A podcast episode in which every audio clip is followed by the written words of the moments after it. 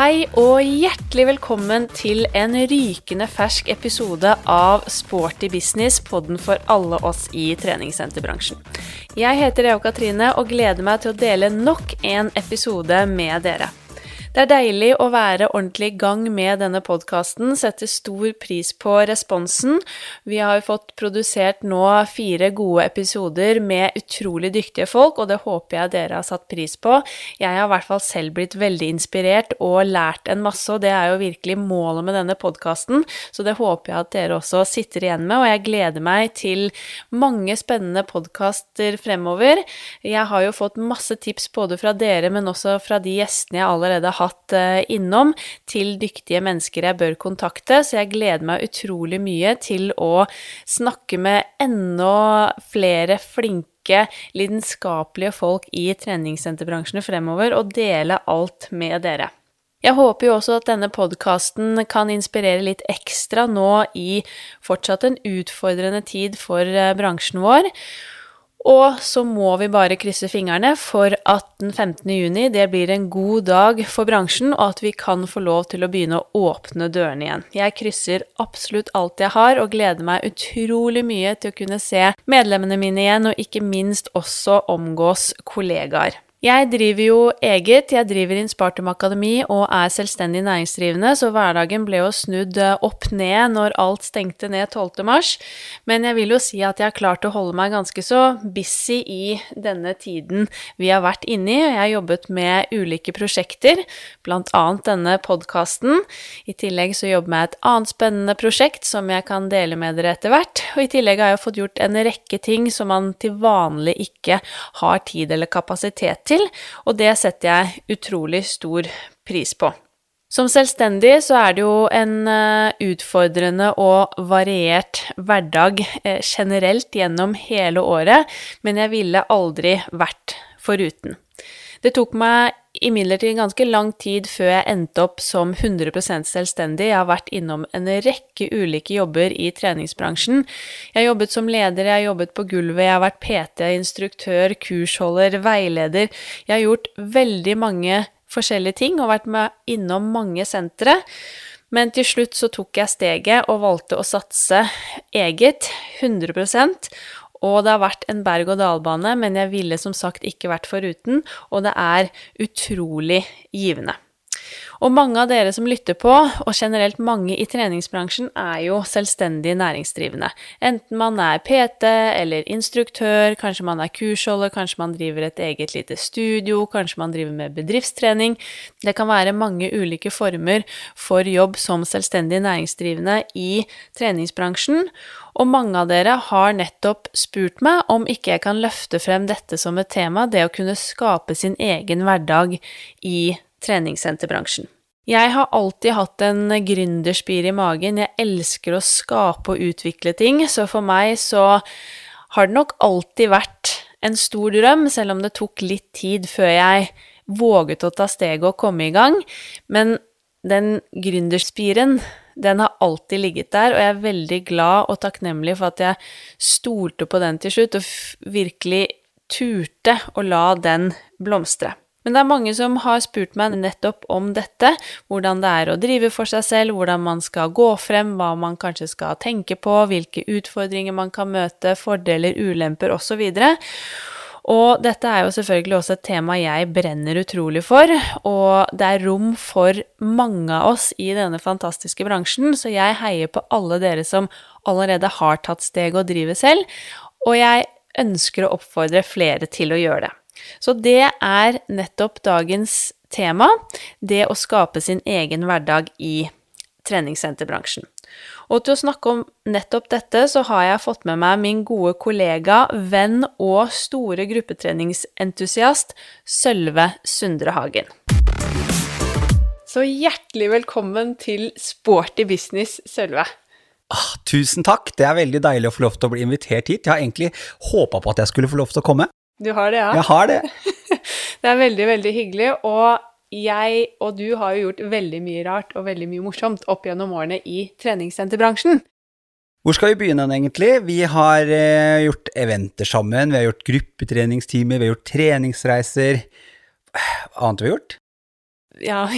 på kurs. Jeg tror vi har vært på kurs sammen. Vi har gjort hele pakka. Ja, veldig mange kurs, og vi møttes, husker jeg veldig godt, jeg tror det var i 2013 på Elixa Colosseum. Vi skulle ha teamteach og kjøre eh, Elixa sitt eh, høstkonsept Nightclub. Jeg husker det. Og jeg hadde bare fått beskjed om at jeg skulle være sammen med to andre instruktører. Vi skulle forberede hver vår del. Ante ikke hvem denne Jørn Sølve var, som jeg hadde fått beskjed om på mail.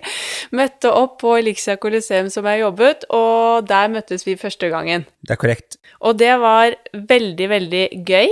Vi skravlet ikke så veldig mye før og etter timen egentlig, men vi kjørte en heidundrende teamtid sammen med Tonje Kristenstuen. Husker du at det nesten ikke var noen der? Ja, stemmer. Det var heidundrende sånn jeg husker. Vi var vel omtrent like mange instruktører som det var deltakere på timen, men det var veldig gøy. Jeg husker det. Jeg minnes veldig godt den eh, timen. Ja, jeg, eh, jeg husker det som at det var heidundrende stemning, selv om det kanskje ikke var så mange til stede. Men det var vårt første møte, og det husker jeg, det var ikke så lenge før det var NIH-convention det året.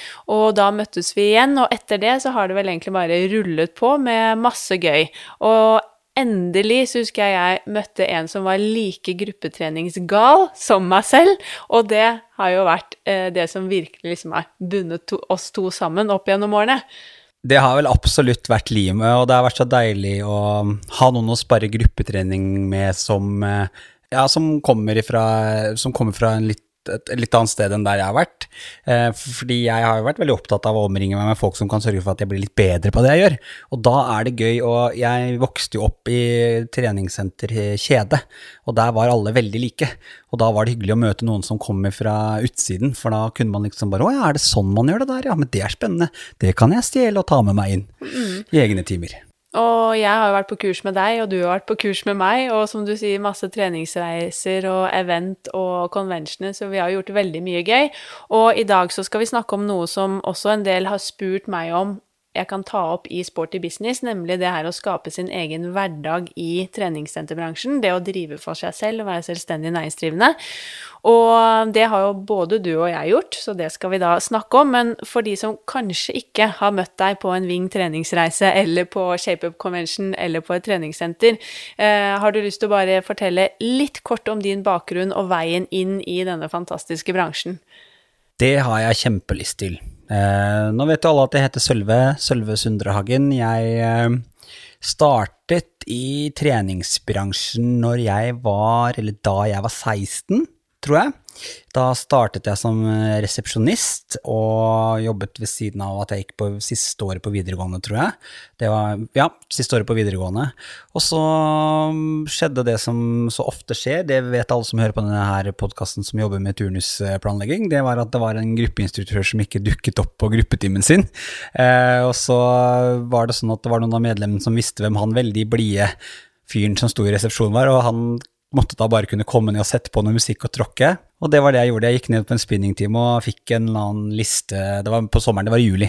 Eh, og da satte på en liste og tråkket meg gjennom, og eh, det var virkelig ut av komfortsonen. Og alle var veldig fornøyde etter den timen, men jeg tror egentlig de løy.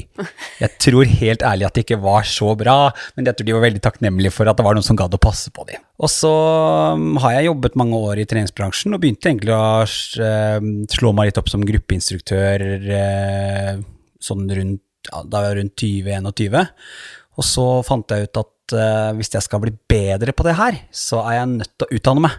Da er jeg nødt til å, for det jeg er veldig god på nå, det er show og entusiasme, og jeg var god på å få folk til å føle seg bra, og det var mange som besøkte meg, men jeg kjente at uh, jeg vet jo egentlig ikke helt hva jeg gjør og hvorfor jeg gjør det. Og så begynte jeg å studere, kastet meg først på Flyttet til Oslo og studerte et år medisin grunnfag. Og så har jeg studert eh, fysisk aktivitet og ernæring. Og så kanskje det som var det største vendepunktet for meg sånn faglig sett, var at jeg tok en solid PT-utdannelse gjennom AFPT. For der fikk jeg så grunnleggende god kunnskap, kunnskap om hvordan kroppen funker. Og det husker jeg, selv om jeg aldri har vært sånn som skal dytte utdanning for meg, at, eh, for, foran meg, så har jeg vært veldig opptatt av at det er nok der jeg gikk fra å være eh, god på det jeg gjør, til å bli veldig god på det. For det er jeg ikke så veldig redd for å si, at jeg vet at jeg er dyktig på det jeg holder på med. Eh, absolutt. Og eh, nå i dag så jobber du jo fortsatt med veldig mye forskjellig, og du har jo jobbet med utrolig mange ting innenfor treningssenterbransjen. Du har vært leder, du har vært eh, kursholder, presentør, eh, eh, den vanlige på gulvet som bare holder ufattelig mange gruppetimer i løpet av en uh, uke. PT. Du har gjort utrolig mye forskjellig, men hvordan ser hverdagen din ut i dag?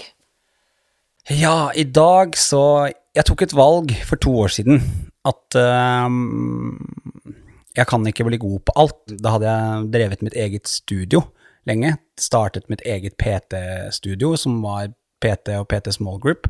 Og så innså jeg det at uh, ja, jeg kan ikke bli god på alt, så hva er, liksom, hva er drivkraften min i treningsbransjen? Hva er det jeg virkelig har passion for? Mm. Og da fant jeg ut at det er gruppetrening jeg vil gjøre. Og så er det jo det der å prøve å finne ut hvordan kan jeg leve av å leve av å drive med gruppetrening, fordi det å være gruppeinstruktør det er i utgangspunktet ikke veldig godt betalt, og det er vanskelig å få det til å, å kunne leve av det fordi at det krever for mye av kroppen din til å kunne holde mange timer hver dag. Så som du sa, så hadde jeg allerede vært der hvor jeg kjente det har vært oppe i 20-25 timer i uka, og omtrent ikke klart å sove og klarte ikke å stille opp av senga i en alder av da noen og tyve. Så, um, så da var jeg sånn, hvis jeg skal få dette til å gå rundt, så må jeg kutte mellomleddet. Jeg må kutte de som eh, eh, har meg som ansatt, sånn at jeg kan ta en timespris som jeg gjør at jeg kan leve. Så kan jeg heller legge mer energi og levere enda bedre gruppetimer der jeg er, men så kan jeg også fakturere en pris som gjør at det ikke er et mellomledd imellom som skal ha sin cut og sin share, da. Mm. Så i dag jobber du nå som selvstendig næringsdrivende? Ja. Og holder eh, kurs og holder gruppetimer. Um, og så har jeg en sidekick-business med podkast, faktisk. Ja, Så du er jo dreven på dette med podkast? Det, det jeg har sikkert sikkert 100 døgn i podkaststudio nå. Det føles sånn i hvert fall. Ja, og du, eh, det er en liten avsporing, men du lanserer jo også snart enda en ny podkast, og det blir jo veldig gøy. Jeg er veldig glad for at du sier det, for det var viktig for meg at du nevner det. Ja, ikke sant? Og, men det er jo faktisk Det handler ikke om treningsbransjen i det hele tatt. Det handler ikke om det i det hele tatt, og det kan du finne meg på Instagram og få vite mer om. Ja, og vi kan jo skyte inn det her, at den publiseres samme uke som denne episoden eh, går på lufta. Takk. Ja, det, det fortjener du. Hashtag reklame. Ja. Men tilbake til treningsbransjen og gruppetrening, så jobber du i dag selvstendig og gjør eh, fortsatt Det er jo en veldig variert arbeidsdag, og det er jo det som er deilig å være eh, Eller det som er deilig med å være selvstendig, det syns i hvert fall jeg, den friheten man har, og kan være sin egen sjef. Men hva syns du da hvis du klarer å på en måte sette fingeren på hva er det som er det aller beste med jobben din i dag? Åh, det aller beste med jobben min i dag, det er Eller med denne jobben, og det er den muligheten man har til å få andre til å føle seg bra. Det er det, det er det, jeg setter mest pris på. Det kan være via en liten samtale på treningssenteret, det kan være fordi en liten sånn motiverende kommentar eller inspirerende kommentar til et medlem som går forbi.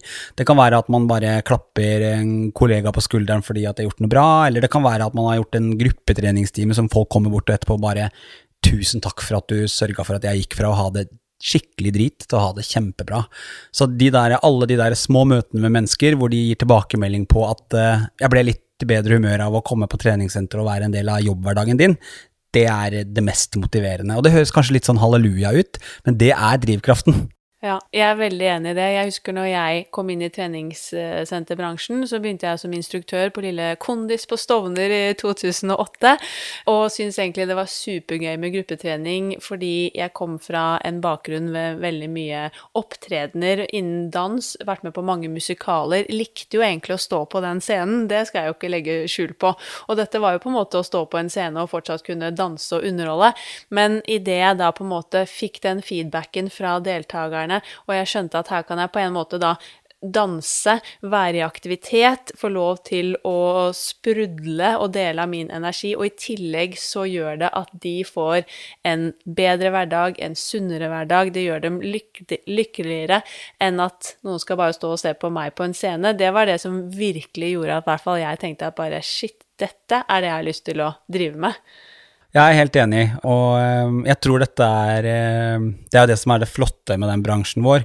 Eh, det er jo at den drives veldig av passion.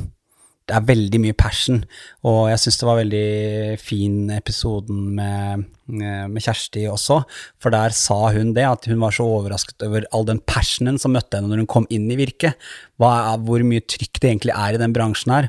Og det er masse diskusjoner rundt altså situasjonen vi står i, åpning og sånn som det snakket den, men der kan du se hvor mye følelser det er inn i denne jobben, når du ser måten folk diskuterer og engasjerer seg i at nå må vi få treningsbransjen vår opp og gå igjen. da. Og uavhengig, uavhengig om man er enig eller uenig i hva som sies, så merker jeg det at det er et ekstra engasjement for denne bransjen. Mm. Jeg har mange andre som er, eh, jobber som er permitterte, som overhodet ikke bryr seg så veldig mye om det som er sånn måtte det vare evig. Ja. Så da tenker jeg det er, det er deilig. Sånn er treningsbransjen veldig fin. Ja. Det er den unike lidenskapen som jeg setter ekstra stor pris på. Og så kan vi kanskje også bli litt for lidenskapelige, vi som jobber i denne bransjen, litt i forhold til det vi skal snakke om i dag, også med tanken på det å drive eget og skape eh, faktisk et levebrød av det, og ikke bare si ja til alt fordi det er veldig gøy og man har lidenskap til det. Men jeg syns det er veldig stas å se hvor mye engasjement det er for bransjen vår nå, og ikke minst alle de som jobber i bransjen. Og det jeg håper at vi klarer å i hvert fall løfte enda mer på sikt, er dette her at eh, myndighetene myndighetene og hele samfunnet virkelig anerkjenner og ser på oss som en viktig folkehelseaktør, for det føler jeg vel kanskje ikke er nevnt, eller kommer like tydelig frem, i hvert fall fra høyere hold, og det er jo noe jeg savner i disse tider, men uh, dit skal vi. Ja, jeg er, veldig, jeg er, veldig, enig med deg. Jeg har jo i utgangspunktet ikke vært så veldig opptatt av at vi må presse på åpning før, av treningsbransjen før det er klart at vi åpner, men det er også fordi at jeg syns det er rart at vi skal åpne treningssentrene før barna er på skolen. Jeg har ingen forståelse for at treningssentrene skal åpne før barneidretten er oppe og går igjen, og litt sånne, sånne ting. Jeg syns det har vært viktigere.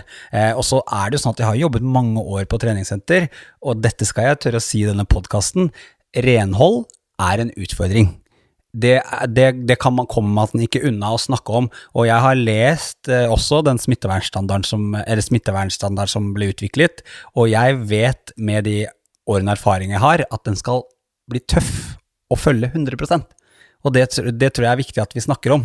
Eh, og det er nok det veldig mange ser, at her må de gjennom Nå har de jo startet prøveprosjekt med bl.a. Sats og forskjellige kjeder, hvor de skal få lov til å teste hvordan funker dette egentlig? Og jeg er så glad for at vi har tatt oss tid til å gjøre det, for all in all, people are dying. Ja, det er helt uh, sant. Og så må vi bare krysse fingrene for at vi eh, snart får lov til å begynne å åpne opp så smått. Og det er jo ikke sånn at vi trenger å åpne opp alt samtidig, men åpne enkelte deler av bransjen vår, og igjen bare ha gradvis gjenåpning der som alt annet, sånn at man kan gjøre det på en trygg og sikker måte. Men um, vi skal jo snakke om egentlig noe annet. Det var bare godt å ta den praten. Så jeg sporer oss tilbake til dagens tema, nemlig det å drive selv og skape sin egen hverdag i treningsbransjen. Når var det du, etter å ha gjort uh, utallige ulike jobber og jobbet som leder bl.a., og i store kjeder, kjente at eh, nå ønsker jeg å jobbe for meg selv? Når var det du tok steget? Altså, jeg begynte å tenke på det ganske mange år før jeg tok steget og gjorde det. For jeg skjønte at denne bransjen her har jeg lyst til å være i lenge, den har jeg lyst til å jobbe i. Eh, men jeg visste også det at jeg var avhengig av å bygge et nettverk rundt meg, og jeg var avhengig av å prestere som ansatt og levere noe mer før jeg kunne gå for meg selv. Sånn at jeg tipper at jeg begynte med å planlegge det at jeg skal begynne å jobbe for meg selv si to til tre år før det faktisk skjedde.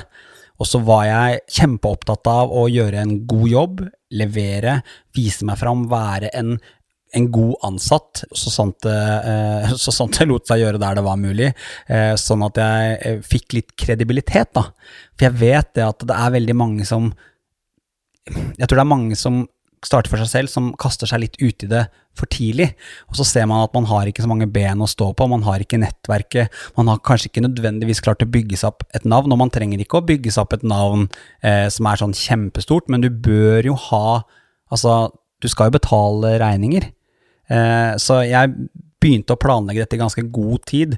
For meg så startet jeg nok med det i hvert fall to år før jeg gikk, og tenkte nå skal jeg engasjere meg, jeg skal bidra på senteret, jeg skal være til stede, jeg skal ta denne jobben, jeg skal gjøre disse eh, drittjobbene, men som også gjør at jeg får erfaring, da.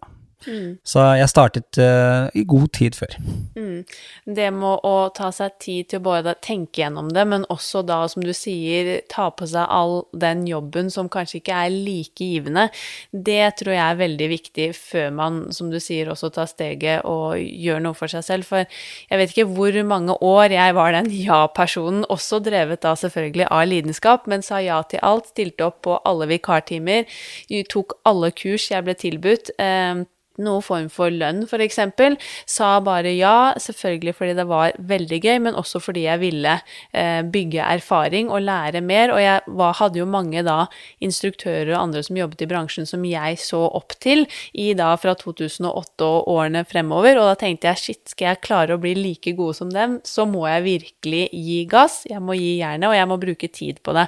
Og det er vel et av de viktigste tingene i hvert fall jeg ønsker å formidle til folk i dag som går rundt med både en instruktørspire i magen, men også en gründerspire, at det har jo tatt oss mange år å komme hit hvor vi er i dag. Det er ikke sånn at det tar et år eller to, men at man faktisk også må ta seg tid til å legge ned all den tiden det tar på forhånd, og som du sier, bygge deg eh, et nettverk er fantastisk, og få så mye erfaring som mulig før man tar steget også ut på egen hånd, men virkelig på en måte anerkjenne at det tar tid. Ja, jeg tror det er veldig mange som skal tørre å tenke litt mer langsiktig da, i denne bransjen her. Fordi mm, jeg tror det er, Vi vet jo det at turnoveren er kjempestor, og at det er veldig mange som bare svinger innom og forsvinner ut igjen.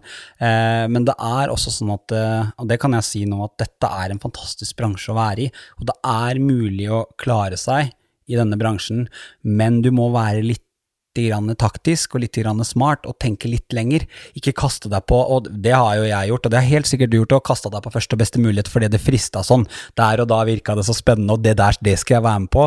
Eh, og så har man endt opp med å brenne seg litt, og, eh, og ikke, sant, jeg har også vært der, blitt fristet av jobbtilbud, f.eks. Så bare ja, nå gjør jeg det. Så, men det er jo en del av læringsprosessen. Eh, men ja, jeg tror man skal tørre å liksom, hvis du skal starte for deg selv, begynne å planlegge nå. liksom, hva er jeg best på? Hvis du jobber på treningssenter med mange forskjellige oppgaver i dag, hva er jeg best på? Si at du er PT, da, og du har litt gruppetime ved siden av, men at gruppetimen er mer en sånn ting du gjør for å få hjula til å gå rundt. Ok, da skal du fortsette med det, men skal du satse på å bli en enda bedre PT, og så skal du skaffe deg kunder som er så lojale til deg. At dette er, nå kommer det sikkert eh, beslutningstakerne i treningsbransjen til å vri seg. De skal være så lojale til deg at når du slutter og går, så blir de med deg. For det, det, gjør det hvis du er god nok. Og, er, og sånn er det bare. og det, sånn, det må treningsbransjen takle. Og kanskje du da er så viktig for det senteret at de sier du skal få lov til å være, jobbe her, du, men du skal få lov til å drive for deg selv. Mm. For det er jo Ja, det er veldig synd at ikke bransjen er mer åpen for det. Det er jeg helt enig i. Og når det gjelder det å være, kaste seg på første mulighet, eller være innom ulike jobber, så kan jeg i hvert fall skrive under på at det har jeg også gjort. Og noen ting tenker jeg at ja, det kunne jeg kanskje vært foruten, men selv om noen jobber ikke har vart så lenge, eller man har vært med på et prosjekt eller bygge opp et studio f.eks., og så gått videre, så har man jo lært utrolig mye av det. Og så jeg tenker man skal ikke være redd for å hoppe på, men etter hvert så lærer man jo også kanskje at noen ganger så skal man si at tusen takk for tilbudet det skal jeg tenke på, så kommer jeg tilbake til deg. Det har jeg lært å si. Istedenfor å bare si ja med en gang, så kan jo det være et eh, godt råd. Men alt gir jo god erfaring, og en veldig god ting, som du sier, dette her med hva er man best på. For man klarer ikke Man kan være, man kan være allsidig, man klarer ikke å bli supergod på alt. Og der òg tok jo jeg valget og også mm, peilet meg inn på gruppetrening istedenfor PT, og også peilet meg inn på liksom spesielle gruppetimer. Man kan ikke holde på med alt. Jeg har gitt meg med sykkel, f.eks. Og sånn, sånne ting er også lurt å tenke gjennom. Ja, jeg er eh, helt enig, og jeg er veldig glad for at du sier akkurat det. At det er jo mange ting jeg har gjort opp igjennom som jeg kanskje angra litt på at jeg kasta meg på, men jeg har hver eneste gang jeg har på en måte avslutta et prosjekt som kanskje ikke gikk helt som jeg håpa, tenkt ok, hva kan jeg ta med meg fra det her? Ehm, jeg, altså, jeg satt eh, to år som eh, produktsjef i en av Norges største treningssenterkjeder og ble utnyttet mildt sagt fordi at jeg var young free and single og kunne reise rundt og gjøre masse og fikk kastet på meg oppgaver, og, det var, og jeg fikk elendig betalt. Jeg tør ikke å snakke om hvor dårlig jeg fikk betalt for å sitte på toppen av en norsk treningssenterkjede og organisere gruppetrening i kjeden, og kastet rundt. Men samtidig så fikk jeg jo i den jobben et nettverk i treningsbransjen når jeg reiste rundt og holdt kurser og eh, sørget for oppfølging som gjør at jeg i dag som selvstendig kan reise til de samme klubbene og tjene penger i mitt firma. Så, jeg, så, det er viktig å huske at det er veldig sjeldent det ikke kommer noe godt ut av det. Det, kanskje, egentlig så kan jeg jo si at de årene der kanskje er de som gjør at jeg kan stå der jeg er i dag. Selv om jeg eh, ja, i ettertid ser at det var eh, en dårlig deal for meg. Mm. Men når du da valgte å ta steget og starte for deg selv, hvordan gikk du frem? Hva gjorde du, og hva har du på en måte drevet med? For du har jo vært innom da som, Altså, du har hatt eget eh, PT-studio for PT og PT Small Group, men i tillegg treningsreiser og andre ting du har drevet med. Så hvordan på en måte gikk du frem, og hva har du holdt på med som selvstendig de siste årene? Det var litt tilfeldig. Eh, jeg hadde startet planen, men det kom litt før. Rett og slett fordi at jeg jobbet som sportsleder i, på to veldig flotte treningssentre i Grenland, altså Porsgrunn og Skien, og hadde en fantastisk god jobb der. Og så ble de sentrene kjøpt opp av en annen kjede. Eh, og da var jeg i full fast jobb, og hadde, vi hadde ikke lyst til å være med videre på det. Rett og slett fordi at det er kjeder jeg har jobbet i tidligere, og det, det er fantastisk mye bra der, eh, men det er også ting jeg vet på ledernivå at det er vanskelig å jobbe med. Pluss at jeg vet også med meg selv at jeg er eh, ikke veldig god med sjefer som kommer og trer ting over hodet mitt. Fordi at jeg er en superkreativ sjel, og jeg har veldig veldig mange meninger. Og, um, og det tror jeg det er flere som skal tørre å innrømme at de er, fordi at da er det jo vanskelig å la seg lede. Um, jeg er ikke god på sånne autoritetspersoner, det er en dårlig greie. Så da tenkte jeg at ok, nå kommer disse inn, jeg vet at de er fantastisk gode på økonomisk drift, de kommer til å bety masse for senteret, but it's not for me. Og så var jeg sånn, ok, hva skal jeg gjøre nå? Så bodde jeg i en by hvor det var billig å leie lokale. Så var jeg sånn, ok, jeg trenger 100 kvadratmeter. Det jeg gjør, trenger 100 kvadratmeter for å starte studio. Og det, nå er det sikkert mange som bor i storbyene som også hører på den podkasten her, men du skal vite at i det sekundet du flytter deg ut av eh, storbyen, så er det å leie lokaler ganske billig. Jeg betalte, jeg hadde vel 100 kvadratmeter og betalte 6000 kroner i måneden eh, for å leie det. Og så tenkte jeg her skal jeg starte studio. Det var en nedlagt eh, kolonial, pusset opp, eh, startet for meg selv og hadde akkurat da ikke noen annen plan enn at eh, jeg får gjøre PT én til én. Og så tenkte jeg PT 1 til 1, det er en fin greie, det kan jeg stå i, da kan jeg ta, det er godt timesbetalt. Så tok det ganske kort tid før jeg innså at noe som er enda smartere, det er å ha PT i grupper. For da kan du helt eh, Da kan du tjene mye mer per time og trene flere. Og så er det én ting til, man kan snakke om penger her, men for meg så handla det om Jeg har begynt å se at PT 1 til 1 er fint, men veldig mange i den målgruppen jeg trener, og det er viktig for meg å si den målgruppen jeg trener, de får akkurat de samme, eh, den samme framgangen og den samme effekten ved å trene tre til fem stykker sammen.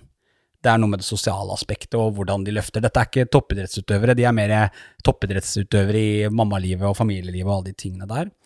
Og så var det også det at eh, da fikk jeg plutselig brukt alle egenskapene mine på gruppetrening. Da kunne jeg gjøre PT i gruppe, men så kunne jeg fortsatt gjøre denne coachingen som jeg vet at jeg er god på, som funker best i plenum, da.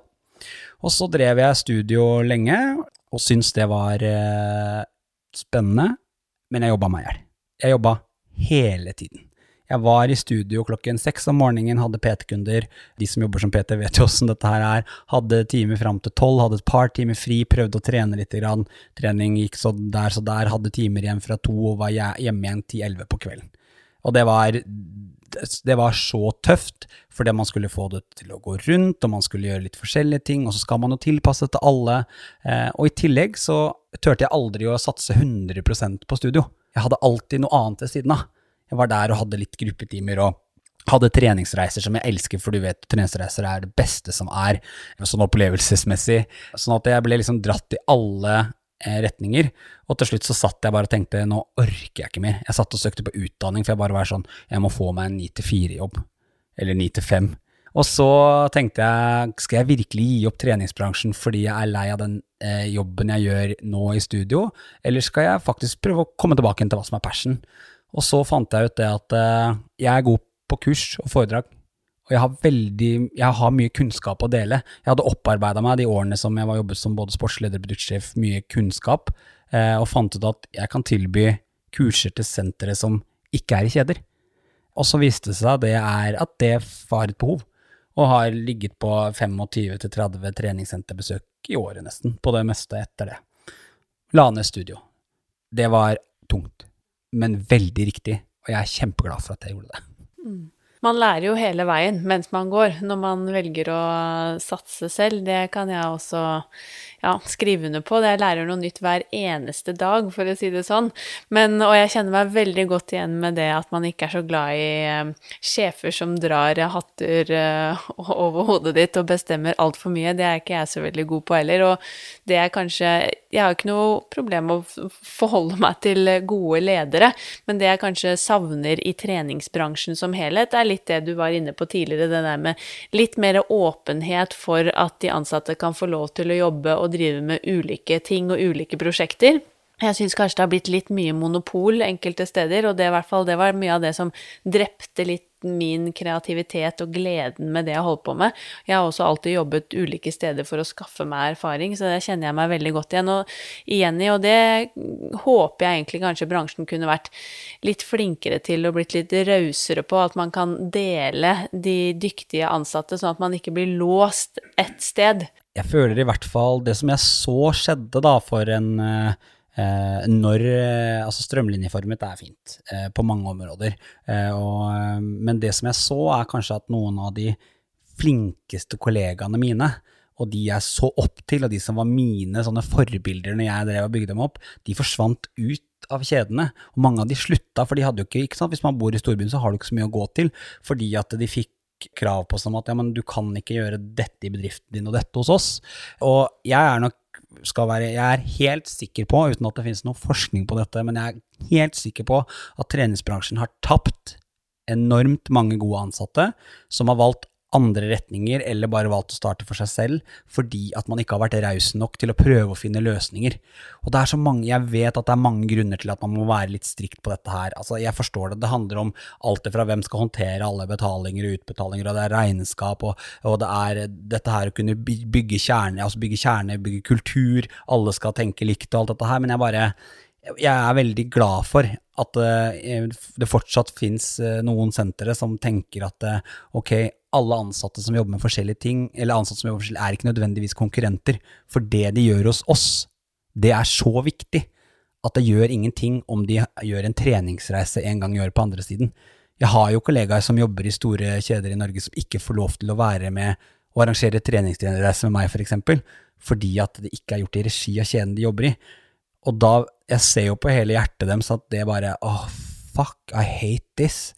Og det tror jeg ikke nødvendigvis kommer kjeden til gode, da. Nei, jeg syns også det er veldig, veldig synd. Jeg også ser jo selvfølgelig fordelene av hvorfor man ønsker å gjøre det, men det som er synd, er jo nettopp for de som kanskje har lyst til å skape sin egen hverdag i denne bransjen og drive med dette på fulltid, og kanskje spesielt som instruktør, for da er du jo nødt til å ha et visst antall timer eller undervise kurs i løpet av måneden for at dette skal kunne bli levebrødet ditt, og når da heller kanskje ikke sentrene kan tilby deg så mange timer eller eh, kurs, så blir det jo også veldig vanskelig, og hvis du da blir låst i tillegg til å ikke få lov til å gjøre andre ting, så er det jo veldig leit, og der å tenke at da kan man jo uheldigvis miste mange. Du snakker om at vi har allerede mistet mange dyktige, jeg kjenner også veldig mange som dessverre har forsvunnet ut på grunn av at mye har blitt styrt i kjedene, men man kan jo også kanskje miste mange kreative sjeler som egentlig går med en gründerspire i magen og kunne vært en fantastisk bidragsyter til treningsbransjen,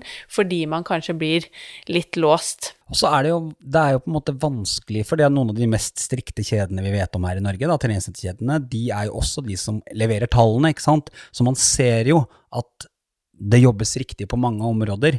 Men jeg, ja, for meg så skulle jeg bare ønske Ja, det hadde nok vært eh, enda hvassere gruppetreningsopplevelser, da. Hvis man hadde vært litt rausere med de som går med en liten sånn 'jeg er nødt til å gjøre flere ting'. Men nå har det jo også blitt sånn at det har jo kommet pålegg om at sentrene ikke de kan ikke kreve eh, altså at man var tilknyttet uten at de gir jobb tilbake. Så jeg ser jo at det er blitt igjen litt løsere. Jeg vet nå at det er flere som jobber i egne firmaer som også bidrar på enkeltsentre. Eh, så ja, jeg håper Og jeg tror nok at man ser etter hvert at eh, og det er flere og flere som kommer til å oppdage at den kompetansen jeg har, den er så mye verdt at jeg skal drive for meg selv. Og da håper jeg også at treningssentrene ser det at vi vil ha det de har, og så får vi heller være litt rause på en måte. Mm. Ja, det, er, det, her er en evig diskusjon. Og jeg vet det er mange som sitter og hører på dette her som er helt uenige nå, og det er jeg glad for det er viktig å, skape gode diskusjoner og også være enig og være uenig. Men jeg tenker også det vi snakker om og det vi brenner for, er jo nettopp fordi vi er sånne kreative sjeler som liker å gå våre egne veier og har startet eget. Og jeg tenker det er jo også veldig forskjellig i forhold til hva slags type person man er. Noen vil gjerne være i eh, trygge ansettelsesforhold og være i de store kjedene og trives kjempegodt med det. Og det er jo flott for dem, og andre har kanskje litt mer sånn lopper i blodet som eh, vi har, og som går med denne her gründerspiren i maven og har lyst til å skape og eh, få til sitt eget. Så det er jo veldig forskjell også hva slags type person man er, og jeg tenker det å drive for seg selv, det er jo, det er jo ikke nødvendigvis for alle, og det krever masse tid og energi, og det er jo også en forholdsvis eh, usikker hverdag. Så sånn i forhold til eh, din reise da, som eh, selvstendig i denne bransjen, hvordan har det vært å skape sin egen eh, hverdag? Fordeler, ulemper? Det har vært kjempetøft. Altså, jeg har så lyst til å være Man har så lyst til å si at uh, jo, det har vært en lek, herregud, det har gått bra fra dag én, men det har det egentlig ikke. Det har vært kjempetøft. Og jeg har også måttet på en måte gjøre veldig mange ting, og jobbe veldig mye for å få dette her til å gå opp. Og så er det jo det at man har en plan, ikke sant. Ok, nå kaster jeg meg ut i det, jeg starter for meg selv. Så har man en plan, men det man kommer til å innse da når man starter for seg sjøl, at det er ikke sikkert det er sånn det blir. Fordi at man er avhengig av å ta de oppdragene som kommer. Og så plutselig så ender man opp med å ja, å ja, dette var jo et kult oppdrag, her jeg har fått et nytt av det, men da har jeg ikke tid til å gjøre det jeg egentlig har planlagt, og så må man kanskje gå den veien, fordi reality is at du må gå dit pengene er, noen ganger. Og, og, det går kanskje utover den drømmen man har, eller det man har lyst til å skape, ikke sant. Eh, sånn at det, eh, det, har vært ganske tøft å, å komme dit jeg er nå, hvor jeg på en måte har mulighet til å leve av det, da. Fordi at jeg har måttet endre retning så mange ganger underveis. Jeg har nok hele tiden hatt, eh, eller jeg vet at jeg hele tiden har hatt fokus på liksom at kjernen min skal være gruppetrening. Det er det jeg gjør. Eh, men så er jeg også en sånn person som jeg elsker eh, prosjekter. Jeg elsker å være med prosjekter hele altså pod, Jeg jobber jo som sagt med podkast i tillegg, og det tar mye tid. Sånn at da må jeg sette av tid til det og planlegge inn det, og så tar jo det også tid ifra det andre. Jobbe med sosiale medier. Du burde jo øvrig prate litt om viktigheten av å jobbe med sosiale medier når man skal spesielt drive for seg, for seg selv. Eh, men det har vært ganske tøft, og hvis jeg skal si det tøffeste, det er at jeg hadde null peiling på økonomi. Altså null. Jeg, jeg var sånn Ok, ja, starte eget selskap. Drive det. Ok, jeg har enkeltmannsforetak. Ok, flott, fint. Eh, regnskap, skal jeg ha regnskapsfører? Nei, ikke i begynnelsen, for det var det noen som sa til meg at det lille du gjør, det trenger du ikke regnskapsfører til. Og da tenker jeg, og jeg er jo helt noob når det kommer til penger, det kan jeg bare innrømme. Jeg skal si det høyt. Denne podkasten er helt noob, takk vekk, takk for meg. Og tenkte at dette skal gå bra. Og um, første året endte på en uh, solid baksmell. Som jeg ikke engang Og alle sier det er lett å forutse når du driver for deg selv. Den så ikke jeg komme. Og så tenkte jeg nå har jeg lært av det året her, så da prøver jeg ett år til. Tror du det gikk bedre det året? Nei, det gjorde ikke det. Litt bedre gikk det. Men ikke sant, så da ble man hele tiden um, hengende bakpå. Andre feil jeg gjorde, som overrasker meg litt, det er at på tross av at jeg er veldig klar over årshjulet i treningsbransjen, så hadde jeg ikke beregna det at Sølve, du kommer til å stå uten jobb fra ca. 15. mai ish til 15. august. Sånn at jeg hadde ikke på en måte opparbeidet Hva skal jeg gjøre i den perioden? Det er jo sånn Folk tenker digg med lang sommerferie. Ja, men etterslepet det er jo stort. Hvis du ikke tjener penger på de månedene fordi bransjen er død, så har du ikke penger før i november. Det, så langt kan det der dra ut. Så da, det var jo ting jeg måtte jobbe meg til og begynne å innse at ja, her må det jo spares og ordnes og tilrettelegges. og Jeg måtte prøve å finne litt sånn hva kan jeg gjøre i de månedene for å få det til å gå rundt. Eh, og så innså jeg det at ja, da må jeg faktisk jobbe mer de andre månedene i året. Og så er det sånn at man kan, jeg vet at man kan jobbe veldig mye i perioder så lenge man vet det er for en periode. Så, men all in all, det jeg skulle ønske, og jeg var også innom en sånn Jeg husker jeg var på sånn gründer, gikk sånn gründerskole, innovasjonsskole, og skulle Men det var helt elendig, det opplegget. Eh, og jeg satt, eh, jeg satt i et rom med 20 andre som skulle starte kebabsjappe. Og, og, det er flott å starte kebabsjappe, men det var liksom, den kunnskapen jeg fikk derfra, var ingenting. Så ja, kunnskap om økonomi, og forstå at det kan man ikke gjøre selv. Det er en grunn til at det er høye utdanninger. La de som kan ta seg av det, gjøre det. Det er verdt å betale de kronene for det. Ja, det er jeg helt, helt enig i. Har du kjent på det? Ja, jeg har kjent på det. og jeg tror jeg nevnte det også i den første episoden med Kjersti fra Virke trening, hvor vi snakket om på en måte egentlig utviklingspotensial i bransjen også generelt, da, og det er jo det at jeg føler at vi mange kunne nok hatt litt mer business, for å si det sånn. Og sånn som jeg som har gått på idrettshøyskolen i fem år, lærte fantastisk mye, men det var jo ikke noen ting om dette, og da eksempel eh, Altså egentlig bare generell økonomi, da, å drive for seg selv. Jeg tenker det er mange som går idrettsutdanning i dag som kommer til å ende opp med å nettopp jobbe som selvstendig PT eller instruktør eller gjøre kurs og foredrag, så det er litt sånn mitt ønske til fremtiden fremtidige idrettsutdanninger. At man kanskje kunne i hvert fall hatt et valgfag hvor man kunne hatt noe om det, faktisk. Selvstendig næringsdrivende. Ja, hvor man kunne lært litt mer om eh, ja, økonomi og det å drive for seg selv. Og det er jo absolutt det jeg også har kjent på som har vært utrolig utfordrende. Og da tenker jeg det er hvert fall det er viktig at man tenker gjennom det på forhånd, så kan man slippe å gå på mange smeller underveis, og at man søker hjelp og tør å spørre om hjelp, og spørre andre. For, for min del så jeg ønsker å jobbe med fag, jobbe med gruppetrening, jobbe med uh, kompetanse, jobbe med studenter, holde kurs, gruppetreninger. Jeg syns jo heller ikke det er veldig spennende å sitte og google meg frem til hvordan jeg skal gjøre dette, og da vil jeg heller bruke de som er gode på det, og så kan vi få lov til å gjøre det vi er gode på. Ja, for det er jo akkurat det at de timene man blir sittende og google og søke og sende inn feil og få kjeft og få regninger i posten og sånn, de timene kunne man brukt på å skape verdi, som igjen var penger som man kan f.eks. betale en regnskapsfører for. Så, så, enkelt er det. det sånn at, og det var jo det var en kompis av meg som selvfølgelig da er høyt økonomiutdannet, som sa det. Sølve, nå har du sittet i to dager for å få dette her til. På de to dagene kunne du tjent det det koster deg å skaffe deg regnskapsfører. Eh, sånn at, eh, men det har tatt mange år for meg å på en måte, eh, hva skal jeg si, komme dit. Og det tror jeg er av mange grunner. Jeg er litt sånn sta, skal få til sjøl. Og så utsetter man de kjedelige oppgavene veldig lenge.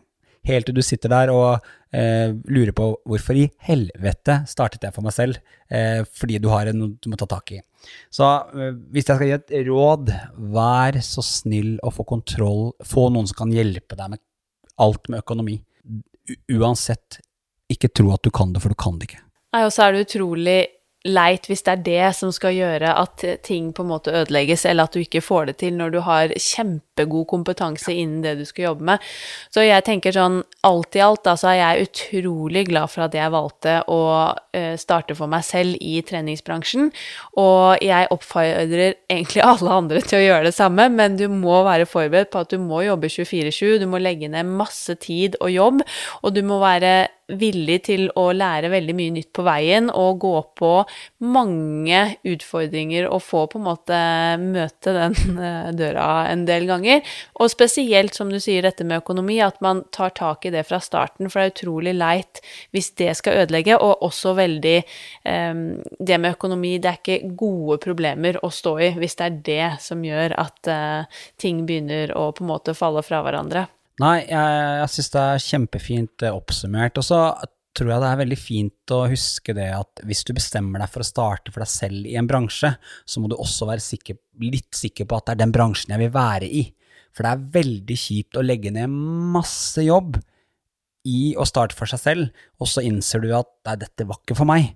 Sånn at ta deg heller et ekstra år som ansatt, f.eks., og kjenn litt Ta en jobb i, i treningsbransjen som du kanskje, kanskje du får muligheten til å ta en lederstilling. Kaste deg på den øh, og teste det, og bare kjenne litt på litt større deler av, eller kjenne mer på bransjen før du tar avgjørelsen for å starte for deg selv. For det kan virke fristende akkurat der og da, men det, det er kjipt da, for jeg tenker Jeg har nesten bestemt meg, for å være helt ærlig, med alle de timene jeg har lagt ned nå, i alle retninger, med markedsføring og sosiale medier og det å sette seg inn i systemer og det å ikke ha kontroll på systemer og finne ut hvem jeg er og skaffe nettverk og være til stede, så har jeg ikke råd til å ikke fortsette i denne bransjen. For det, da har jeg wasta jeg, Altså, jeg har rota bort store deler av livet mitt. Mm. Og et annet råd som i hvert fall jeg vil gi, som du også var inne på i sted, det er at som selvstendig, så det er jo en veldig usikker eh, hverdag sånn når det gjelder da lønn. Og det å ha stabile inntekter, det finnes jo ikke. Eh, og som du sier, sommermånedene, det er jo, de er jo på en måte egentlig helt døde i, denne, i vår bransje, så det skal man jo regne med. Men det er jo veldig lett, som du nevnte, å kaste seg på alle muligheter man får, spesielt hvis man er ny, men også når man begynner å stresse litt fordi du ser at eh, det ikke er noe jobb i nærmeste fremtid, og du begynner liksom å bli litt smånervøs for hvordan dette her skal gå, og den kall det blemma, har jeg også gått på mange ganger. At jeg begynner å stresse, og så tenker jeg å nei, nå må jeg ha noe jobb, og så plutselig så tikker det inn noen tilbud, tilbud og ulike prosjekter, og så har jeg sagt ja.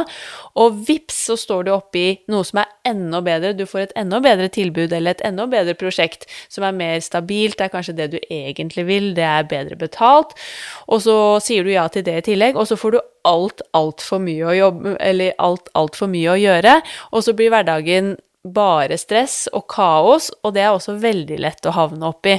Men samtidig, det, det, kommer til å skje, og jeg tenker det er fint å få med seg så mye erfaring som mulig, men noen ganger har i hvert fall jeg lært, og min erfaring, at jeg skal tørre å ha litt is i magen, og ikke si ja til alt som dukker opp. Det, det, er så viktig, da, og nå har vi selvfølgelig nå har vi sittet og snakket veldig om at det er veldig tøft og det er skummelt, og, men det er viktig å si at det er tøft og skummelt, og, og du skal gå på noen smeller. og jeg er, også, jeg er veldig opptatt av å være ærlig på, fordi at jeg, mange kjenner jo meg fra sosiale medier, og der er man jo ofte happy go lucky, men det har vært beintøft.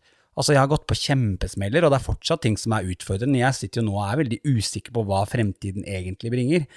Men samtidig så eh, jeg, jeg trigges litt av det, da. Jeg trigges litt av å ikke helt vite hva skjer 1.12. Og jeg tror folk er forskjellige der. Noen står ekstremt godt i stabilitet, og noen står godt i ustabilitet. Og det, det ene er ikke det bedre, det andre slår i hjel det andre, men vi er bare forskjellige mennesker. Og du bør nok være forberedt på å like å være litt stressa. Ja. Hvis du skal jobbe for deg selv. Det er helt sikkert. Og jeg tenker at hvis du nå eh, hører på denne episoden og virkelig har litt lyst til å satse eget, men syns det er skummelt, f.eks., så er det jo også en mulighet hvis du allerede har en jobb eller kan ta en annen jobb og er så heldig å kunne få en prosentstilling, men ikke en fulltidsstilling, så kan man jo også begynne å teste det ut i tillegg til annen jobb, for da kan du ha den stabile bufferen med inntekt eh, i måneden som gjør at du også kan på en måte slappe av litt mer og fokusere på å starte eget. Men igjen så er min erfaring idet jeg tok steget og virkelig bare satset 100% på å være min egen sjef og drive min egen bedrift, så gikk det jo også veldig mye bedre, for da fokuserte jeg 110% på akkurat det. Ja, og jeg husker, når jeg skulle gjøre dette, så fikk jeg et råd eh, fra en god kollega som var sånn Du må slutte i den faste jobben din og gå all in på dette her. Og det var ikke et veldig godt råd, fordi at eh, i en oppstartsfase så må du ha noen Altså, regningene skal betales. Uansett hvor mye du vrir og vender på. Det kan godt hende du er heldig og kan bo hjemme hos mor og far, eller at du kan dele leilighet med noen, eller something, something, something. Men det er faktisk sånn at altså når man er voksen, altså de fleste er jo kanskje i 20-30-40 årene når man starter for seg selv, så er det fortsatt sånn ting skal betales. Du skal jo ha råd til mat. Og jeg endte jo opp med det at jeg var sånn, når man da i en alder av, jeg husker ikke, da var jeg vel 6-27 eller noe sånt, jeg gikk all by myself. Og når du da er 6-27 og er sånn, da skal jeg gå og pante disse tomflaskene, fordi at jeg skal ha råd til å kjøpe kneippbrød til 4,50. Da er man også på et sted at sånn vil jeg ikke ha det når jeg er voksen. Så ikke, ikke vær redd for å ha en jobb ved siden av, så lenge det er en jobb som ikke krever så veldig mye ut av deg fra de andre timene du er på jobb. Hvis du kan ha en jobb som bare du må være der fra en sånn til da, og når du er ferdig, så kan du gå, så kan du jobbe med prosjektet ditt. Det tror jeg ikke du skal være redd for. Eh, og så, som du sa, når du kjenner at nå har ballen begynt å rulle, nå er det mulig for meg, hvis jeg legger inn litt flere timer og tjener de tusenlappene ekstra for å kunne gjøre akkurat dette, så gjør du det. Helt enig, det er en veldig god idé, og hvis man har muligheten, så syns jeg også det er den aller beste egentlig veien inn, for da har du litt det trygge å falle tilbake på, og når du kjenner at nå begynner ting virkelig å gå min vei, så kan man hoppe av og gå all in, og så vil man få en veldig boost av det også. Men når det gjelder dette her med lønn, da, så tenker jeg at en ting som er viktig som jeg vil løfte frem, det er jo nettopp det at det er så mye passion da, i denne bransjen vår, jeg har vært der så mange ganger selv, og jeg er der fortsatt, og det er jo det at man og spesielt når man vil og starter eget, så er det jo lett å da si ja, og kanskje bli litt utnyttet. Så mitt, i hvert fall sånn eh, virkelig Altså som jeg har lyst til å dele med alle som hører på denne poden, det er at man skal våge å også prissette seg prissette sin egen kompetanse, faglighet og det produktet man leverer, og et ønske generelt i treningsbransjen at man eh, på en måte virkelig betaler for den kompetansen. Fordi det er jo Jeg vet ikke hvor mange jobber jeg har gjort bare fordi jeg syns det er gøy, eller for å ha fått veldig dårlig betalt. Og det også er jo uheldig, for hvis folk skal lykkes i denne bransjen, så er vi nødt til å kunne ta betalt for de produktene vi leverer, og for kompetansen vår. Og det er som du sier, vi skal kunne betale regninger, vi som alle andre. Vi kan ikke bare leve på luft og kjærlighet og passion fordi dette er veldig gøy, men dette er faktisk vår profesjon, og det er det vi jobber med fulltid.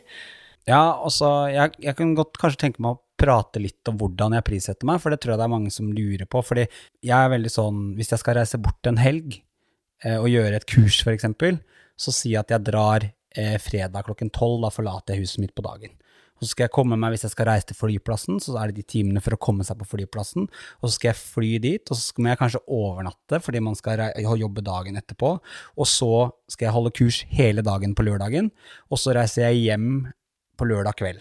Hvis jeg er heldig og det går fly. For det når man jobber Norge har treningssentre overalt, så det er ikke alltid det går fly. Kanskje noen ganger reiser man hjem på søndag. Så begynte jeg å se på disse tingene her. Ok, nå har du tjent en viss sum, men du har jobbet i tre dager.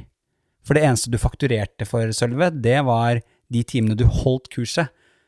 Og så begynte jeg å være sånn, ok, men hvis jeg hadde holdt dette kurset for eksempel inn, hvis jeg bare hadde hatt PT-timer i de timene jeg var ute og reiste f.eks. alene, så hadde jeg sittet igjen med mer enn totalpakka å bruke en hel helg. Sånn at jeg er sånn når jeg prissetter meg nå, så regner jeg Jeg har en fast pris for det jeg gjør, og de ulike oppdragene jeg har, men jeg regner også litt på reisetid. Ok, jeg skal dit, Kanskje jeg snakker litt med eh, oppdrags... Eh, de jeg samarbeider med, og er litt sånn ok, dere vil ha meg dit, men da må jeg ha noe igjen. Siden jeg er så heldig å få lov til å reise mye, så pleier jeg ofte å ordne lokalt med litt sånn ok, da kommer jeg, blir over en dag, og så sjekker jeg ut byen. Jeg elsker jo å gå og vandre og besøke småsteder og sånn. Altså jeg kan være i knøttlite sted midt i Midt-Norge og elsker det, for jeg syns det er moro med litt sånn kultur. Så jeg sitter igjen med litt mer. Men det er også sånn at man må tørre å se regne fra man forlater døra til man kommer tilbake. Det er veldig viktig, og i hvert fall min erfaring der er også at det er veldig lurt å forklare det til de som ønsker å kjøpe tjenestene dine. For de ser kanskje at ja, men du skal bare være her fire eller fem timer og holde det kurset eller den workshopen, og så tenker de ikke da på, som du sier, den tiden vi faktisk da bruker på å reise, komme oss dit, sette av, uh, i tillegg kanskje forberede på forhånd. Og det er i hvert fall, vil jeg si, et godt tips til alle de som jobber for seg selv i treningsbransjen og ofte må komme med tilbud eller prissette seg selv, at det er veldig lurt å skrive det opp og forklare hva er det som faktisk ligger bak denne jobben. Og da er min eh, erfaring det at jeg større, har fått mye større forståelse for det, og at de skjønner hvorfor det faktisk koster det at vi skal komme f.eks. en dag og holde kurs. Og det som er veldig fint for deg som lytter på nå, som sitter med en sånn liten eh, spire i magen, det er at jeg har aldri opplevd noe negativt på på pris etter jeg begynte å gjøre dette, etter at jeg ble dyrere for jobben jeg gjør, og jeg forklarer det med dette her er grunnen. Jeg setter av tre arbeidsdager for å jobbe én, altså satt litt eh, på spissen og dratt litt i, men du skjønner hva jeg mener, så er folk ja, men akkurat det forstår jeg, og da er det også betalingsvilligheten bedre. Eh, men hvis du ikke forklarer det her, så du kan ikke forvente at folk setter seg inn i din situasjon, så du må selv ta ansvar for å vise ok, pakka med meg, her er produktet, her er tidsbruken. Så ja, det, jeg, du, men du skal vite det at ikke vær redd for å ta betalt Du må ikke være urealistisk, for det har jeg også vært borti mange som er urealistiske der, og som kanskje muligens de er i profil, har vært med på TV-program, something, something, something, og tror at det nødvendigvis er verdt veldig mange tusen. Men det er ikke det. Sørg for at kompetansen din er så god, og at opplevelsen å ha deg på senteret eller på eventet sitt er så god at man har lyst til å ha deg igjen. Vær litt raus, kanskje du kan gjøre litt ekstra, kanskje du kan bidra. Kanskje du tar deg en kul middag, eller bare er litt sånn ekstra raus, eh, så, så forstår folk hvorfor det koster å ha deg der. Mm, veldig viktig. Og så skal du, man også ikke være redd for å eventuelt få et nei. Hvis man har prissatt seg, og man har f.eks. solgt den samme tjenesten til veldig mange, kanskje sentre som har ville ta det samme kurset med deg, f.eks., eh, og du vet på en måte at du føler at dette er en riktig pris, det er det du på en måte virkelig kan stå inne for selv, og så får man da nei fra en annen uh, som spør, så skal man heller ikke være redd for å faktisk si at beklager, men det er prisen. Og så ja, det ble ikke noe av det oppdraget, men man kan heller ikke på en måte da selge seg altfor rimelig et helt annet sted, for det blir også veldig feil. Men man må tåle da også noe nei. Det er ikke sikkert det er alle jobbene du kommer til å få. For det er ingenting som er så irriterende hvis du kjøper en vare til 1000 kroner, og så går det en uke, og så ser du den samme varen til 599. Eh, og det er det flere som må være flinke på å ikke hore seg på pris. Ja, men altså, det mener jeg, for det er for mange som bare Å ja, de sa nei. Nei, men da dumper jeg prisen min, og så går vi dit. For det jeg opplever, er at ok, det er også viktig, skal vi senteret da, eller de du jobber med, ikke har mulighet til å betale da, så kan det godt hende at de venter litt og spør deg ved en senere anledning. For det er jo faktisk sånn at har de vist interesse for deg og det du kan, så betyr det at de vil ha deg men de hadde kanskje ikke råd akkurat nå. Men du kan være helt sikker på at den de kontakter om seks måneder når de har penger til det, det er fortsatt deg. Det har jeg opplevd mange ganger. Senteret har sagt du, det kan vi ikke være med på akkurat nå, men du hører fra oss. Og åtte av ti sentre, eller oppdragsgivere eller enkeltpersoner, de hører jeg igjen fra seinere. Så da har jeg egentlig bare sikra meg jobb frem i tid, da. Ja, og jeg syns i hvert fall det er også veldig viktig for bransjen vår som helhet i forhold til dette med på en måte profesjonalisering, eh, og at man skal få respekt for den jobben man gjør, og at dette får Jeg hører jo fortsatt at folk sier 'Å ja, så heldig du er som får jobbe med hobbyen din'. Uh, og ja, jeg syns jo det er veldig gøy det jeg gjør, men det er profesjonen min, og det er det jeg gjør fulltid, og da tenker jeg det er veldig viktig at man blir respektert for, og det er også en viktig del av det å bygge denne bransjen og bygge profesjonaliteten, er jo nettopp dette med prissetting og tåle å få noe nei, og opptre generelt profesjonelt uansett hvilke eh, jobber man inngår som selvstendig. Du kan se på foredragsholdere, hva de tar for 45 til 50 til 60 minutter. Altså, hvis du veier det opp mot treningsbransjen, så er jo det det samme som vi tar for en helg med jobb og betraktelig mye større jobb også tidvis. Så, men for meg så var jeg var veldig heldig, og det er det mange som sikkert vet hvem, eh, hvem Pia Seberg er. Det var hun som på en måte klappa meg på handa og sa Sølve, nå må du vite verdien din.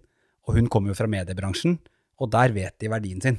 Sånn at det var vendepunktet for meg, at jeg bare ok, greit, sånn kan du ikke holde på lenger. Så ja, jeg syns det er viktig å si det, altså. Ikke vær redd for å ta deg betalt hvis du vet at det du leverer, er verdt å betale for. Mm, helt enig, og det er kanskje noe av det jeg syns har vært mest utfordrende også, for jeg vil jo så veldig gjerne, og så syns jeg det har vært vanskelig å prissette seg, men det også lærer man etter hvert.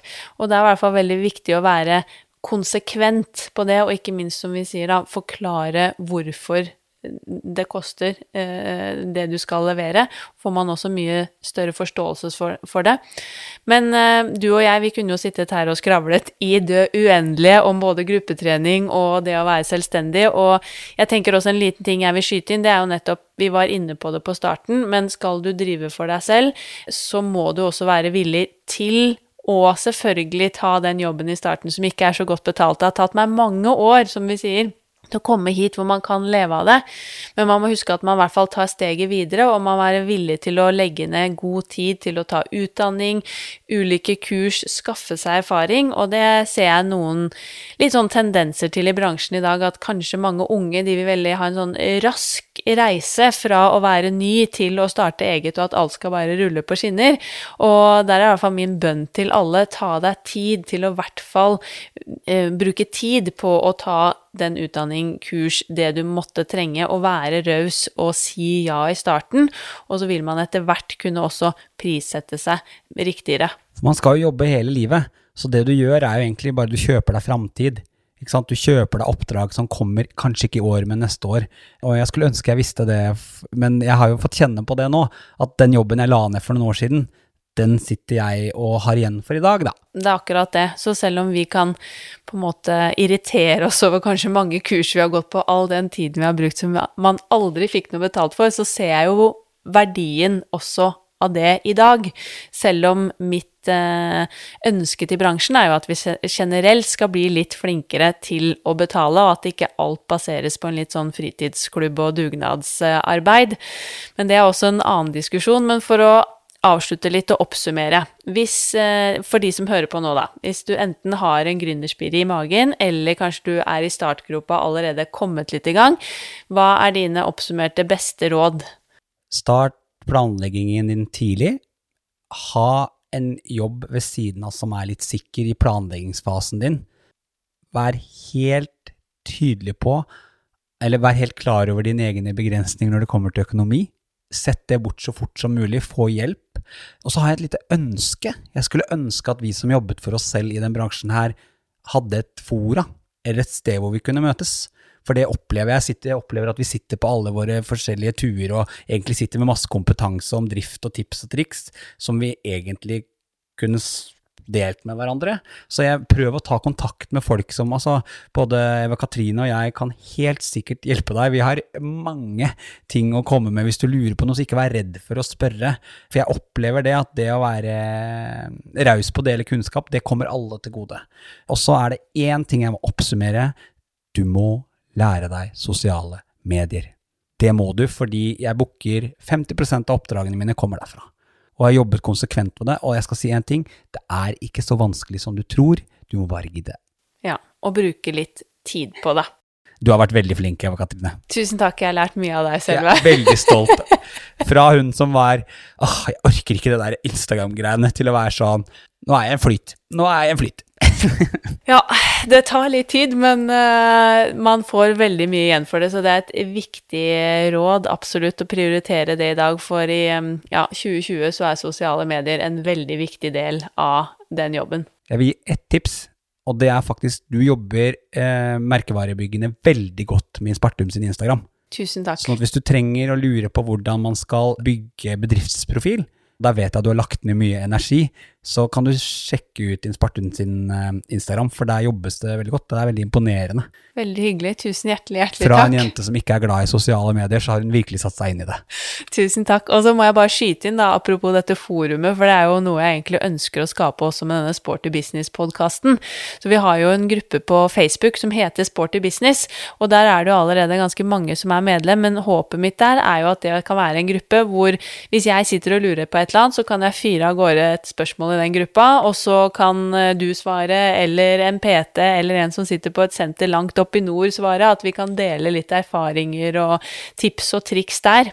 Men helt til slutt, da, så har jeg noen sånne spørsmål som jeg spør alle som kommer innom podden. Gleder meg. Eh, ja, Så de må du også få. Eh, hva er det aller beste med denne treningsbransjen, syns du i dag? Jeg elsker at jeg får lov til å jobbe med eh, fremoverlente, friske og litt gærne mennesker. For jeg syns jeg møter gærninger overalt. Og da mener jeg sånne positive gærninger. Og jeg opplever at vi er eh, Jeg opplever at vi, det er som å være en del av et lag hele tiden. Eh, og selv om vi er konkurrenter og sånn, så kan man se det når man møtes på eh, et convention, så er vi alle bare superkollegaer. Og jeg elsker det derre Ja, jeg elsker at vi er fremoverlente, og så er det ekstremt deilig at vi kan bidra til folkehelse. Vi er kanskje den største bidragsyteren til god norsk folkehelse. Det vet alle som sitter i bransjen. Ja, fantastisk. Men hva kan vi bli bedre på? Vi, jeg tar ordene til Kjersti. Vi må bli bedre på drift. Ingen, vi må bli bedre på det å drive. Vi må bli bedre på økonomi, vi må bli bedre på markedsføring. Vi kan se mot andre bransjer, for der ligger vi i bakevja. Og jeg begynner å se at vi går glipp av utrolig mye eh, altså inntekt, men vi går også glipp av veldig mange medlemmer og potensielle kunder fordi at vi ikke er gode nok på disse tingene. Vi bruker ikke alle kanalene vi har mulighet til å gjøre, så vi må bli bedre på drift. Det er for mange ledere i den bransjen her som ikke har noe bakgrunn for å kunne drifte, og det syns veldig godt. Og det betyr ikke at du ikke skal sitte i den jobben du gjør, men det betyr at kanskje du skal ta den utdannelsen. Ta den etterutdannelsen sånn at du kan bli bedre på økonomi. Ta lederutdannelse. Det er en grunn til at det finnes lederutdannelser. Så vi må bli bedre på den generelle driften, fordi passion er fint, men du kan aldri bli ti av ti med bare passion. Nei. Helt, helt enig. Det er noe av det jeg syns er aller viktigst, som vi burde prioritere også i denne bransjen fremover, i tillegg til eh, selvfølgelig kompetanse og det å verdsette kompetanse, men drift, drift, drift, økonomi eh, på alle plan, det bør vi absolutt bli bedre på. Men hvis du kunne, for å avslutte her nå, ønske deg en favorittgjest eh, i Sporty business, hvem kunne du tenke deg å høre? Hvis jeg skal velge én person, eh, for jeg får bare velge én Det er lov å velge flere. Nei, jeg velger én. Jeg vet det. Denne, dette mennesket her har hatt veldig stor betydning for meg, både kunnskapsmessig og fordi hun har vært med å løfte meg opp og frem, og fordi jeg fikk lov Det var første gang jeg fikk lov til å være del av, en, av, av noe større. Så jeg har veldig lyst til å høre Anita Tonne i denne podkasten, fordi hun har vært igjennom mye, både med drift, teambuilding, kompetanseutvikling. Så det hadde vært veldig kult å høre Anita den podkasten her, for jeg vet at hun sitter på kunnskap som veldig mange trenger å høre. Veldig enig. Hun har også vært et av mine idoler opp gjennom reisen i treningsbransjen, så veldig godt tips. Jeg tror og håper at lytterne våre har um, fått mye lærerikt ut av denne podkasten, og kanskje fått litt inspirasjon og gode tips og råd, og selvfølgelig hørt på at vi har skravla. Og vi to, om vi er på en solseng på Mallorca eller hvor vi er, så kunne vi bare skravlet i det uendelige, så spørs nok om vi ikke må ta en gruppetreningsprat i poden senere en gang òg.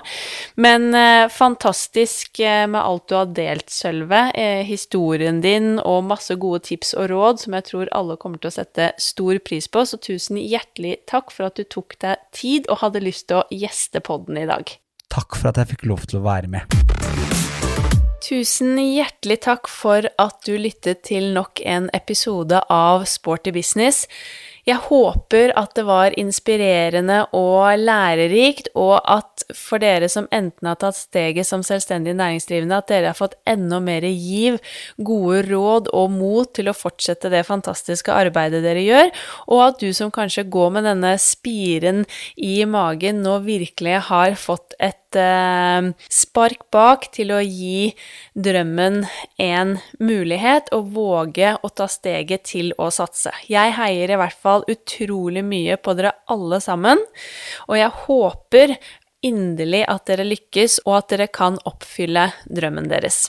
Veldig gjerne følg oss i sosiale medier på Instagram, sportybusinesspodkast. Send gjerne inn kommentarer, meldinger på ønsker eller feedback, og bli gjerne med i gruppen vår på Facebook, Sporty Business, som er en gruppe for alle oss som jobber i bransjen, og hvor jeg ønsker å danne et forum der vi kan hjelpe hverandre. Jeg gleder meg allerede til neste episode. Ha en strålende dag videre. Tusen hjertelig takk for at du hørte på. Vi poddes. Denne podkasten produseres av Inspartum Akademi og North Stories.